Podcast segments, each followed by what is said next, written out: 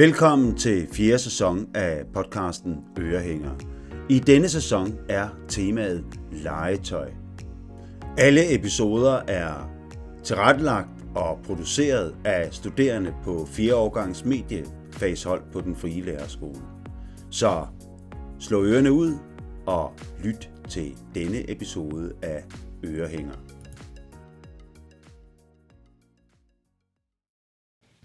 Velkommen til Ørehænger. Jeg hedder Lasse. I denne sæson der tager vi udgangspunkt i legetøjets verden, og i dag der skal vi kigge på træsvær. Jeg står lige i mit værksted og går om lidt ind til mine gæster ind i studiet for at sludre lidt barndomsminder. Men så tager vi på tur. Jeg skal besøge Ejgel på 5 år, mens en af mine medværter vil tale med nogle fageksperter. Hvad vi så får ud af det, det blander vi lidt sammen og serverer for dig lige ind i øregangen. Ha' en rigtig god lyttelyst. Vi skal i dag snakke om træsvær, øh, og jeg har jo, øh, som vi også hørt før, der har jeg både Johan og Jakob med herinde i studiet. Og øh, jamen noget af det, som, som altid har været spændende for mig i forhold til træsværet, det er det her med omskifteligheden i det. Altså jeg har gået øh, mange ture i skoven, og så har man lige fundet en eller anden pind, og den så ud på en eller anden sjov eller spøjs måde. Og så kunne det pludselig være både en troldmandsstave, eller et tohåndssvær, eller hvad det nu engang har været. Øhm, så for ligesom at danne mig selv et overblik, og måske også sætte det lidt øh, sådan i perspektiv til andre, så, øh, så vil jeg rigtig gerne høre de her to øh, gæster, Jakob og Johan, om hvad deres forhold til træsværet det egentlig er. Øh, så det bliver rigtig spændende, og øh, lad os gå ind i det. Vi skal snakke træsvær, og øh, jeg har glædet mig helt vildt meget til at høre, hvad du har at fortælle om dit forhold til sådan noget som hjemmelavet legetøj, eller egentlig træsvær. Hvad siger Ja. du, Jacob? Jamen, øh, dengang jeg var en lille knægt, øh, der lavede jeg rigtig mange træsvær. Øh, jeg er vokset op på en bondegård, så jeg havde et værksted og en hel masse træ, og så byggede jeg træsvær. Øh, og jeg synes, sådan nogle ridder og sådan noget, det var mega sejt, så jeg ville gerne have min egen træsvær. Og så tog jeg på biblioteket og kiggede i bøger, og så prøvede jeg at efterligne alle de ting, jeg så. Ja. Okay, så du tog faktisk inspiration fra historie og tog med ind i din, øh, ind i din leg, eller hvad skal man sige? Det gjorde jeg. Ja. Uh, yes. Jeg har altid synes det var meget spændende, og så byggede jeg alle mulige forskellige træsvær, og så kunne jeg rigtig godt lide at lege med dem, når jeg havde besøg af mine venner. Så rendte vi rundt øh, nede i vores lægehegn og ude på markerne og legede med de her træsvær. Ja. Og fandt på en hel masse historier om, hvad det så var, der foregik. Og vi vandt altid over dem, vi slås mod. Okay. Så Ja, ja. var det sådan faste skurke, eller havde I nogle... Øh... Det kunne, Noget godt, det kunne det godt være en gang imellem, øh, men det skiftede meget. Altså, det var jo en del af det, det var at finde på, hvem det var, man skulle slås mod den dag. Og det var meget sådan fantasifjender, vi slåsede imod. Vi var som regel på samme hold, mig og mine venner. Mm. Øh, men en gang imellem, når der var børnefødselsdag, så kunne vi godt, og der var mange, der, der var mange på besøg, så kunne vi godt dele os op i to hold, og så kunne vi slås med hinanden, og så døde man, hvis man blev slået med træsvær. Og så var der træsvær til alle i hele klassen. Okay. Ja, ja, jeg har haft rigtig, rigtig, rigtig, rigtig, rigtig mange træsvær. Øhm, og jeg synes, det er et fedt, fedt legetøj, en træsvær der. Hvornår, hvornår er du så stoppet med at producere og lege med træsvær og sådan nogle ting? Hvis det er noget, du er stoppet med. Øhm, det stoppede jeg med, da jeg begyndte at spille guitar i stedet for. Okay. Og så synes jeg, det var sjovere, og så lavede jeg klatræsvær. Øhm, så blev jeg lidt større. Men jeg gjorde det ret, ret længe, og jeg synes, det var nederen alle de andre i klassen. De var hellere ville drikke øl, end at lege med træsvær. Øh, vi, vi begyndte at drikke øl rigtig tidligt i min klasse. Eller de andre gjorde, jeg lavede bare med træsvær. Ja. Ja. Nå, men det lyder som en, altså som en spændende måde at lege på. Det er meget socialt i det, og du også har inddraget noget historisk ind i det, i forhold til, at du er taget på biblioteket og sådan nogle ting. Øhm, men også noget fiktion, altså de her fjender her, slås mod, var det sådan noget orker og sådan noget i den stil, eller var det franske, franske soldater eller sådan? Det kunne være begge dele. Ej, da Ringenes Herre filmene udkom, mm. så blev det meget orker, man skulle slås imod. Ja. Fordi de var fede. Og så skulle man jo selvfølgelig lege, at man var i Ringenes Herre og slås mod orker. Fordi det var fedt. Um, og nogle gange så kunne man også godt være orker, så kunne man slås imod mod de gode. Men det var mest, det var mest imod orkerne. Yes. Fedt. Faktisk, tak fordi du ville dele det, Jacob. Jamen, det var også lidt. Ja. Jakob, hvad er det fede ved træsværet? Ja, jeg synes, noget af det fede ved træsvær, det er det her øh, ejerskab, man har over, at man selv laver det. Så man ikke bare går ned i og BR og køber et eller andet øh, plastik, skrammel, som en eller anden kineser har bygget i Kina, men at man ligesom laver det selv. Øhm, og jeg synes, der er meget legetøj, som lidt bare er noget øh, skrammel, nogen har bygget, fordi de gerne vil tjene nogle penge. Og derfor synes jeg bare, at træsværet er en federe, en federe legetøj end rigtig meget andet legetøj. Øh, eller i det hele taget det hjemmelavede aspekt i det. Og det synes jeg er, ja, hvis man, hvis man tror på, at det der med at lege også er noget, der ligesom udvikler barnet til at blive voksen på et tidspunkt, så tror jeg, at man får nogle rigtig gode ting med øh, fra det her med at selv at lave ting, og selv beslutte sig for, hvad man gerne vil have, og man ikke bare ser det på en hylde og siger, det der vil jeg gerne have, fordi der har mange farver, og det kan sige bang. Yes. Øhm, det er fedt. Ja. Altså, der er også det der processuelle i det, det der med at skabe sværet og ejerskabsfornemmelsen, i stedet for, som du siger, at man bare går ned, og så smider man x antal kroner ned i butikken, og så er det egentlig det, det er. Ja. Øhm, at der er en proces indover os, og en kreativ proces, faktisk. Det synes jeg, der er noget, øh, noget fascinerende ved. Øhm, og så tror jeg, at det er meget naturligt for børn at, at gøre det. Ligesom selv øh, tillægge en eller anden genstand en værdi. Og det tror jeg, børn har gjort i millioner af år. Og øh, måske også vil blive ved med at gøre i millioner af år. Øhm, og det tror jeg aldrig bliver gammelt. Lige meget på fede øh, legesager, de finder på at sælge, så tror jeg aldrig, det bliver gammelt. Det der med, at man finder en pind ude i en skov og beslutter sig for, at den er et eller andet, og det bare er en god pind. Øhm, jeg oplever stadig ikke, for eksempel da jeg var i praktik, at øh, børn, de kan, det kan være blodig alvor, det der med en pind, og en, der har taget min pind. Min, det var virkelig en god pind, jeg der havde fundet, altså. Tak for dit input, Jacob. Det var spændende. Jeg har også fået øh, Johan Bøjsen her i studiet. Hej Johan. Hej, Lasse. Velkommen til. Skal vi ikke øh, snakke lidt også? Jo, lad os det. Johan, du har jo også en hel masse øh, erfaringer, hvad skal man sige, haft gode lege med, øh, med hjemmelavet øh, legetøj, mm. træsvær og alt sådan noget. Må vi ikke prøve at komme ind i din verden af, hvad træsværet sådan kan og er? Jo, og på samme måde som, øh, som Jakobs udgangspunkt var øh, i de tidlige år øh, af hans liv, så er mit også helt klart øh, centreret omkring min barndom. Og det her med at udforske dels sådan øh, objekter, hvad kan jeg finde, hist og pist, ikke? Øh, hvad kan jeg strikke sammen, og så øh, skabe en verden ud fra. Og det var meget sådan noget med at øh, gå nogle ture, finde en fed kæp, øh, binde en snor på den kæp, og så er det en bue. Så øh, kunne man til det finde lidt pil eller noget andet, og så lige pludselig så var man faktisk inde i en, igen også, det, nu Jacob kom lidt ind på det her med Ringnes Herre, en reproducering af nogle af scenerne øh, for, for de film, man godt kunne lide. Mm. Det kunne være Ringnes Herre, det kunne være Star Wars. Øh.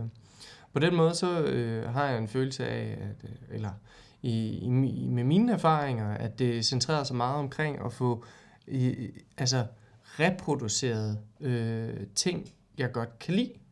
Øh, der synes jeg, at træsværende øh, på sin, øh, med, med sin meget neutrale skikkelse egentlig var det bedste udgangspunkt for fantasien. Fordi det var det, som man besluttede sig for, at det skulle være. Det var ikke, øh, hvis du køber et øh, lejesvær, eller, eller legetøjsvær nede i Fætter BR, så har den måske de der sider på der, som, som skal passe på, at man ikke får, får skåret sin hånd af, samtidig med, at man bruger det. Ikke? At det, der ikke er på, øh, på lasersværet i Star Wars, ikke? det der så er på de nye, øh, hvor man kan se, okay, der har de lige tænkt lidt ekstra over det, og de får det også brugt i en af scenerne og sådan noget. Men, øh, men vi kunne ligesom samle en kæp op, og så blev det interessant, fordi vi blev enige om, hvad kæppen betød. Okay, så I ligesom indgår i sådan en fælles konsensus om et eller andet form for øh, regelsæt i gåsøjne, eller hvad skal man sige om, nu har jeg fundet en pind, den ser sådan og sådan ud, Jamen, ergo så er den sådan. Jamen lige præcis. Øhm, har du sådan arbejdet det der med at, at, at hvad skal man sige, bygge eller skabe et trævåben, eller var det, at man samlede en pind op, og den så sådan ud, som den nu gjorde, og så var det bare sådan. Har du haft det, det i værkstedet? Jamen, det har jeg helt sikkert. Ja. Altså, der, der er også de der pinde, som var tilpas mere lige end de andre pinde, øhm, som havde noget potentiale i, for eksempel at skulle være et ninjasvær.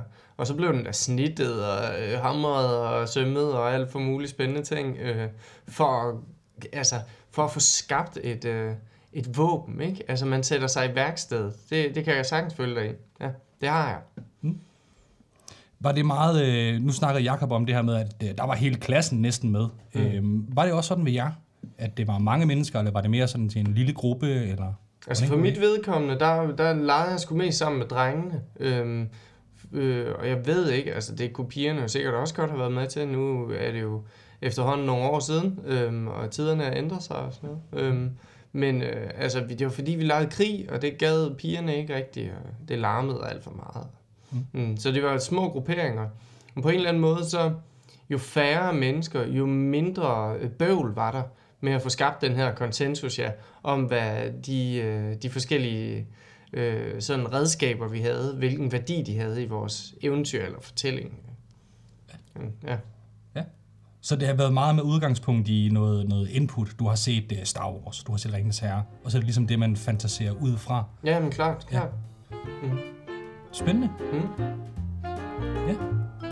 Jeg har faktisk ikke så meget mere i min anekdote. Jamen, perfekt. Tusind tak, fordi du ville dele den med os.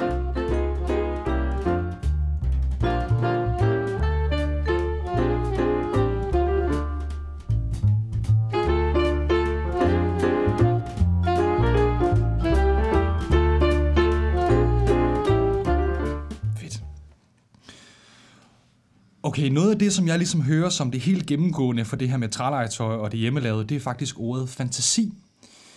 Jakob, er det noget, som, øh, som du vil fortælle lidt om, det her med fantasi? Jamen, det vil jeg gerne. Øhm, jeg synes jo, det er rigtig spændende, det her med fantasi, øh, at børn har evnen til at fantasere, og at voksne har den her evne. Og fantasien, den er jo rigtig, rigtig vigtig. Det er noget af det, der kendetegner kreative mennesker, det er noget af det, der driver innovation fremad, det er simpelthen, at vi er i stand til at forestille os ting, som vi ikke har, som ikke er der, og som ikke findes endnu, men som vi kunne forestille os kunne findes. Og på den måde har menneskeheden ligesom været i stand til at opfinde alle mulige ting, og det er vi sådan set det eneste dyr, der ligesom kan. Øh, andre dyr, de er bundet til at øh, opføre sig sådan, som de ligesom er skabt til at opføre sig, deres øh, genetik, og øh, begrænser dem ligesom i, hvad de kan og hvad de ikke kan. Men mennesket kan simpelthen forestille sig ting, der overhovedet ikke øh, findes, og på den måde så er vi i stand til at gøre ting, som andre dyr ikke kan. Ja, spændende. Jamen det er jo også interessant det her med, at det er en evne, som vi har fået udviklet senere hen, og helt fundamentalt for, for menneskets udvikling. Øhm, og man kan sige, selvom nogle dyr måske har en eller anden grad af fantasi, øh, ravne for eksempel, der kan lave små værktøjer, så er det på en helt anden måde og et helt andet plan end, end menneskets øh, kognitive evne og sådan fantastiske formåen, eller hvad skal man sige? Det er nemlig rigtigt. Mm. Øhm, og så vidt vi ved, så adskiller vores fantasi sig fra ravens fantasi ved det, at raven det kan kun planlægge fremad, og den kan regne ud, at hvis jeg gør det her, altså for eksempel smider en sten ned på en nød, eller smider en nød ned på en sten, så går den i stykker, og så kan jeg spise den, og det er skide smart. Men vi kan simpelthen forestille os ting, der overhovedet ikke kan eksistere. Altså en, for eksempel, øh, jeg har engang læst en bog, der handlede om det her med, at øh, at mennesket er i stand til for eksempel at forestille sig en Gud. Og når vi så forestiller os en Gud, så kan vi altså lege, at han findes, og på den måde, så kan vi øhm, føle os forbundet til mennesker, vi egentlig ikke kender. Øhm, tidligere mennesker, de var kun i stand til at leve i små grupper. Aber for eksempel, de er kun i stand til at leve på grupper på par hundrede stykker, og så, så splitter gruppen ligesom op, fordi man ikke længere kender hinanden. Øh, men hvis vi nu har en Gud til fælles, som vi alle sammen forestiller os findes, så kan vi lige pludselig stole på mennesker, vi faktisk overhovedet ikke kender, eller aldrig nogensinde har mødt, og så kan vi samarbejde på meget mere komplekse måder. Og det er det, der har gjort, at vi ligesom har vores moderne samfund. Så den her øh, fantasi, som børn træner, når de leger og bygger træsvær, den er faktisk øh, ikke bare for underholdningens skyld, det er også det, der gør, at vi kan fungere som mennesker, når vi bliver voksne og kan lave et samfund og kan opfinde smarte ting, der kan gøre vores liv nemmere. Og derfor så tror jeg, at øh, det er meget vigtigt, at børn får lov til at lave deres legetøj selv, og selv finde på, hvad de skal bruge det til, fordi den evne, den vil de øh, få rigtig stor gavn af senere i livet, og den vil alle deres medmennesker også få gavn af. Det er jo dejligt. Ja, det er det godt nok. Og det er også det der med, som du også er lidt inde på, som vi har snakket sådan lidt rundt om før, med at når vi laver det hjemmelavede legetøj, eller arbejder med træsværet, så arbejder vi ikke inden for det her prædefinerede, et øh, lyssvær, det ser ud på den her måde, det er simpelthen øh, evnen til at, at, at tænke og bruge sin fantasi, der ligesom er det innovative element i, øh, i den her legeproces. Nemlig. Øhm, ja, så der er både det her med at kunne forestille sig ting, der simpelthen ikke findes, hvilket er vigtigt, og så er der også det her med at kunne øh, planlægge og udføre. Jeg har for eksempel engang set en katapult på tv, og så tænkte jeg, det der, det kan jeg også lave. Og så fandt jeg noget træ og noget metal og lidt forskellige ting og sager, og fik det støbet sammen, og tænkte, okay, hvis jeg gør sådan her, og sådan her, og sådan her, så kommer der nok en katapult ud af det. Og det gjorde der. Øhm, og det er jo en vigtig evne at få trænet, som man kan bruge i mange henseender i livet. Så jeg tror virkelig, at øh, børns leg er meget vigtig. Det kunne være interessant at undersøge, om jeg så også har ret i det. Ja. Fedt. Tak skal du have, Jacob. Det var da så lidt. Nå, men nu har vi jo snakket lidt, os tre, om øh, hvad vores forhold til de her træsvær her er. Men øh, nu tænker jeg, at vi skal ud og snakke med nogle andre. Så Jakob, hvad siger du til, at du tager ud af verden, og så finder du nogle øh, eksperter, nogen der ved noget om det her? Det vil jeg helt vildt gerne gøre. Fedt. Så i mellemtiden, så vil jeg tage ud og snakke med et barn, måske nogle forældre eller sådan noget i den stil. Og så, Johan, så kan du lave kaffe imens. Han er allerede gået derud. Perfekt. Nå, men øh, lad os komme afsted.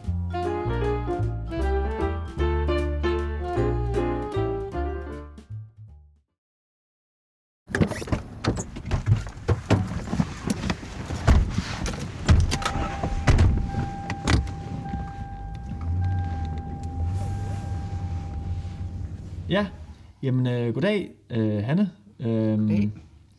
Til lige til start, så vil jeg gerne spørge, øh, hvem er du? Jamen, øh, jeg er jo hende der, der har undervist i drama og teater og fortælling i mange, mange år. Jeg har været, gjort det både på højskole og her på lærerskolen, hvor jeg har uddannet lærer. Og så er jeg oprindeligt uddannet med hovedfag i dramaturgi, i teatervidenskab og nogle andre ting også. Spændende. Nå, hvorfor tror du, at øh, børn leger?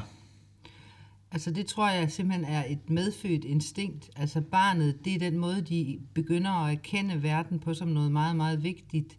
At de kan slet ikke lade være med at øh, prøve på at forholde sig til verden. Der er nogle psykologer, der siger, at barnet forholder sig til verden som teser, når de leger. Så er det ligesom en tese, de skal afprøve, at øh, nu slår jeg, fordi jeg forestiller mig, at jeg kan smadre det her bord.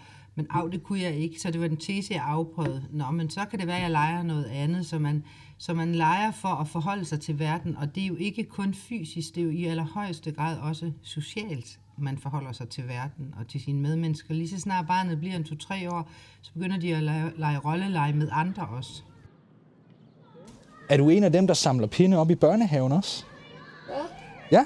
Det er mine venner oppe i børnehaven faktisk også. Ja. Okay, så I er flere, der samler pinde sammen? Ja. Øhm, hvad, hvad har det så for betydning for, for den, øh, den kognitive udvikling, det her med rollelejene? Altså det har først og fremmest at de to vigtigste ting, som rollelejen kan, det er, at, øh, at øh, barnet både bliver trænet i, altså grundlæggende bliver det trænet i at være menneske i verden i fiktionen, som jo er det, der definerer, at vi er i en øh, rolleleg. Det er, at der er fiktion, og at vi lader som om, vi leger. Men to ting bliver der helt sikkert trænet. For det første træner man sin, øh, sin fysik og motorik, altså det er, det er konkret, at jeg forholder mig til objektet først, men hvis vi for eksempel også arbejder med svær, så er det jo, at man forholder sig fysisk til, hvad kan jeg, hvordan kan jeg bevæge mig, hvordan kan jeg bevæge sværet, og hvordan kan jeg slå på den anden. Så kunne vi lege slåskamp med de to her.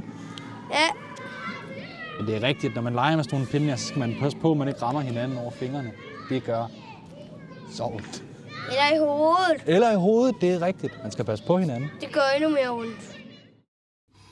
Og man kan sige, øh, den sociale læring, det er jo så det, der egentlig er meget mere raffineret. Hvis vi for eksempel siger, er der nogen social læring i at lege far, mor og børn? Ja, det er der, for der spejler jeg direkte mine forældre.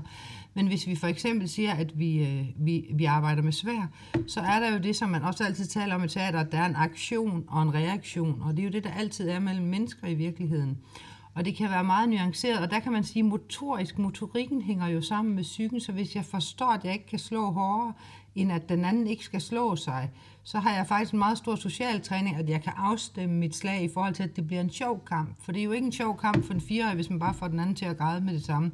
Det er sjovt, hvis vi er nogle kæmpe ridere, der har en vild kamp, der bang, bang, bang, og jeg vinder. Øhm, og så er der også det, at der i det her sociale spil hele tiden i rollelejen er en forhandling. Det er jo fascinerende, når man ser børn lege, at de kan gå ind og ud af fiktionen. Så sagde vi, at du var den onde trold, og at jeg var ridderen, der kom for at befri prinsessen. Du, prinsesse, du sidder oppe i træet, siger man så til en ved siden af.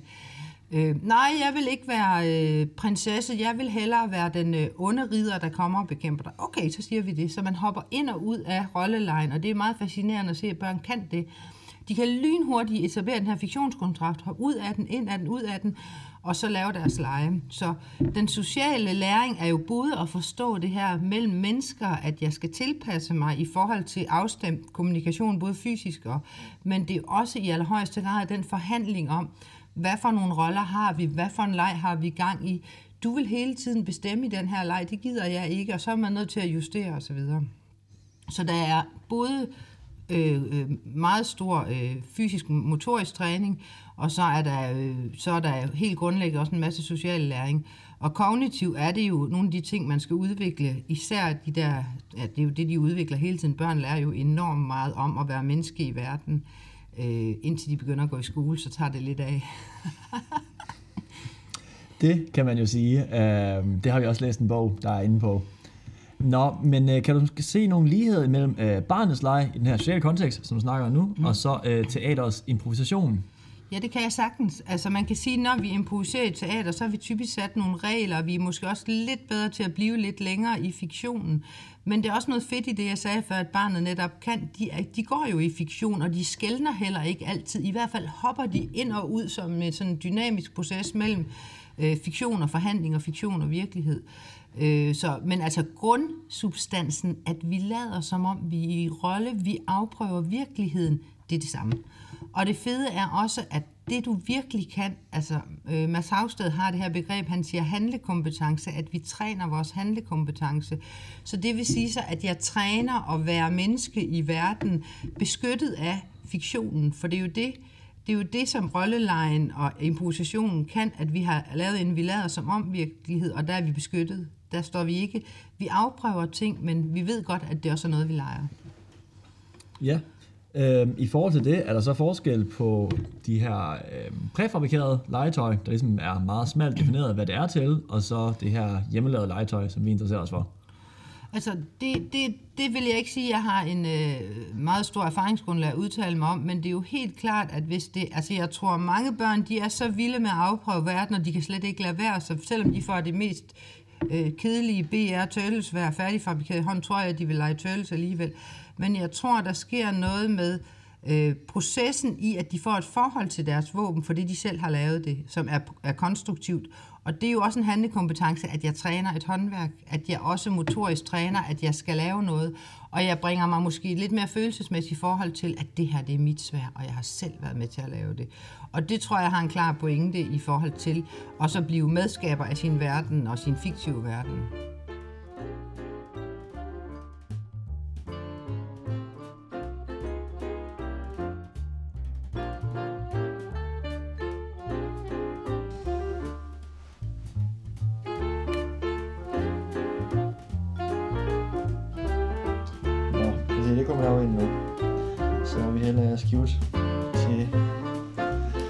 Rigsdansk. Nå, goddag.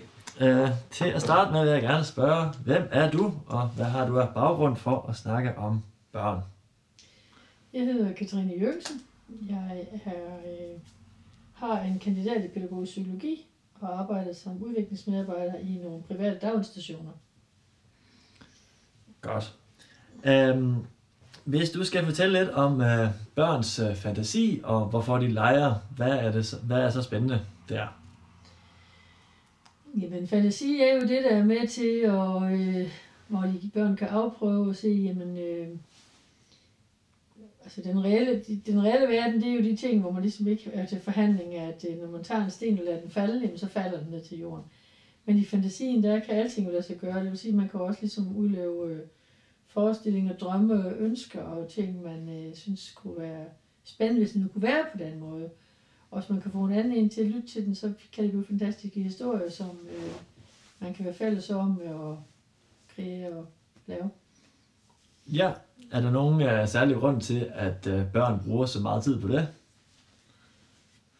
Det udvider deres tænkning og deres uh, sprog, og uh, også, øh, ligesom, også i det sociale, for at finde ud af, jamen, hvor meget kan jeg få den, der lytter, eller den, jeg leger sammen med, hvor meget kan jeg få dem med på min øh, på min idé og på min banehalvdel, og, og hvor fantastisk kan historien blive, for at den anden stadigvæk kan følge mine tanker. Det er jo en øvelse i at også at kunne, når man lytter til andres fantasi, og kunne forestille sig det, de fortæller, og er det stadigvæk noget, man kan følge med i og, og få mening i, selvom det er fantasi. Ja. I forhold til det, så interesserer vi os jo for det her hjemmelavede legetøj. Øhm, er der nogen øh, forskel på det hjemmelavede legetøj, og så digitale legetøj, iPads, øh, spil osv. osv.? Jamen, Altså, vi arbejder, jeg arbejder meget ud for det der med, at man skal, øh, skal jeg sige lige, hvad man siger, man siger, at børn øh, udforsker øh, verden og ting, og så leger de for at videreudvikle det, de ved. Og man kan sige, ved at børn selv konstruerer legesagerne, jamen, så udforsker de, hvilke muligheder er der. For eksempel med det her træ, hvad kan jeg lave af det, hvordan kan jeg få det til at holde sammen. Og så er det jo det også, at de, mens de producerer det, mens de laver det, også har en eller anden idé om, hvad kan det her bruges til. Synes du, den ligner noget? Er der noget bestemt med den? Måske ligner det noget af en regnbue. En regnbue. Ja, noget af en regnbue. Og så skulle regnbuen fortsætte videre ud, eller hvordan? Ja, og Ja. her, og så sådan her, og så, og så plejer det også at være, plejer også at være skyer under. Man kan sige, at det virtuelle jo er givet af andre folk. Så der er det jo også tit en mere øh, snæver ramme til, hvad du kan. Du kan ikke påvirke det på samme måde, hvordan du kan bruge det. Fordi det trods alt er iPad-programmet, der gør det. Mm. Og du kan jo også øh, senere, når du har produceret, sige, jamen prøv lige at se, det her træsvær, det er faktisk ikke et træsvær, det er det, hvad hedder det, Star Wars lysesvær. Og hvis den anden så ligesom kan forestille sig det, som det her svær nu bliver lavet om til, så kan lejen jo fortsætte i en anden verden. En Ja, fra ridder til Star Wars til øh, noget helt tredje. ja. Nu har du arbejdet med børn i efterhånden rigtig mange år. Også før, at der kom iPads. øh, kan du øh, se nogle forskel på børn i dag og så dengang? Mm. Ja og nej. Øh, det er meget afhængigt af, hvilke erfaringer børn har med iPad, og hvor meget de har lært at bruge eller anvende iPad sammen med en voksen eller en større søsken eller nogle ældre børn, eller om de bare selv har skulle øh, finde ud af, hvad jeg kan med den her. Altså jeg oplever nogle gange, at hvis jeg sidder og laver noget sammen med børn og vil bruge iPad'en som noget interaktivt, hvor vi for eksempel laver nogle, nogle spil, hvor det handler om, jamen, så er det min tur, så er det den barns tur, at de faktisk glemmer, at jeg er ved siden af, fordi de bliver opslugt af iPad'en. Hvorimod nogle andre børn, er, er, som har lært de der grundlæggende turtagning, øh, inden de begyndte at arbejde med en iPad, der kan iPad'en også være lige så god til turtagning og til at kunne lave noget fælles. Så det afhænger rigtig meget af, hvad barnet har lært øh, på anden vis, hvor, hvordan man kan bruge iPad'en. Ja. Jeg bruger den selv i hvert fald. Øh, iPad'en også som et, et af, af værktøjerne til at arbejde med opmærksomhed og spæ- spændvidde og forskellige ting, men det er afhængigt af, hvor barnet er i sin udvikling, og hvad det har af den der tidlige kommunikationsformer. Øh, former. Godt. Er der her til sidst noget andet, du selv lige vil, øh, vil tilføje til vores, øh, til vores podcast omkring træsvær og legetøj? Mm. igen, den selve det, at, at, at øh, jeg synes, altså, hvis du bare giver barnet et træsvær, jamen så, øh, så tror jeg måske, det ikke er så meget forskel på det virtuelt ikke? Jeg tænker mere, det er produktionen af det. Øh, altså barnet selv har været med til at sige, hvad kan jeg lave ud af det her træ, det kan pludselig svært, det skal være på den her måde, så selve processen, hvor barnet også, altså er også en proces, hvor barnet forestiller sig, hvordan skal det her svær se ud? Hvad skal jeg bruge det til? Hvilken rolle kan jeg s- gå ind i og være, og hvad kan jeg forestille mig? Det, er- det er en vigtig proces, så det er ikke kun selve det at have et træsvær, men også at være med til at måske selv at producere det. Ja. Det kan være meget væsentligt. Jamen, så siger vi mange tak.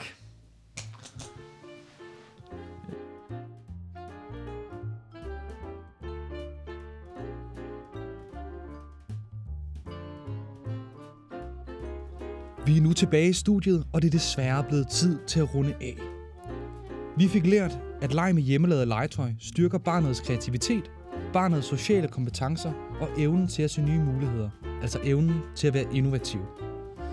Men vi fik også selv lige delt nogle barndomsminder og hvad vi selv forbinder med træsvær og legetøj.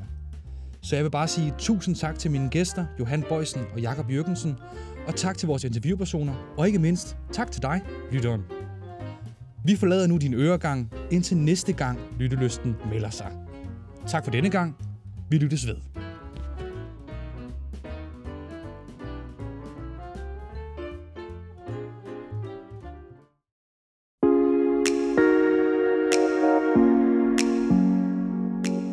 Tak fordi du lyttede med til denne episode af podcasten Ørehængere.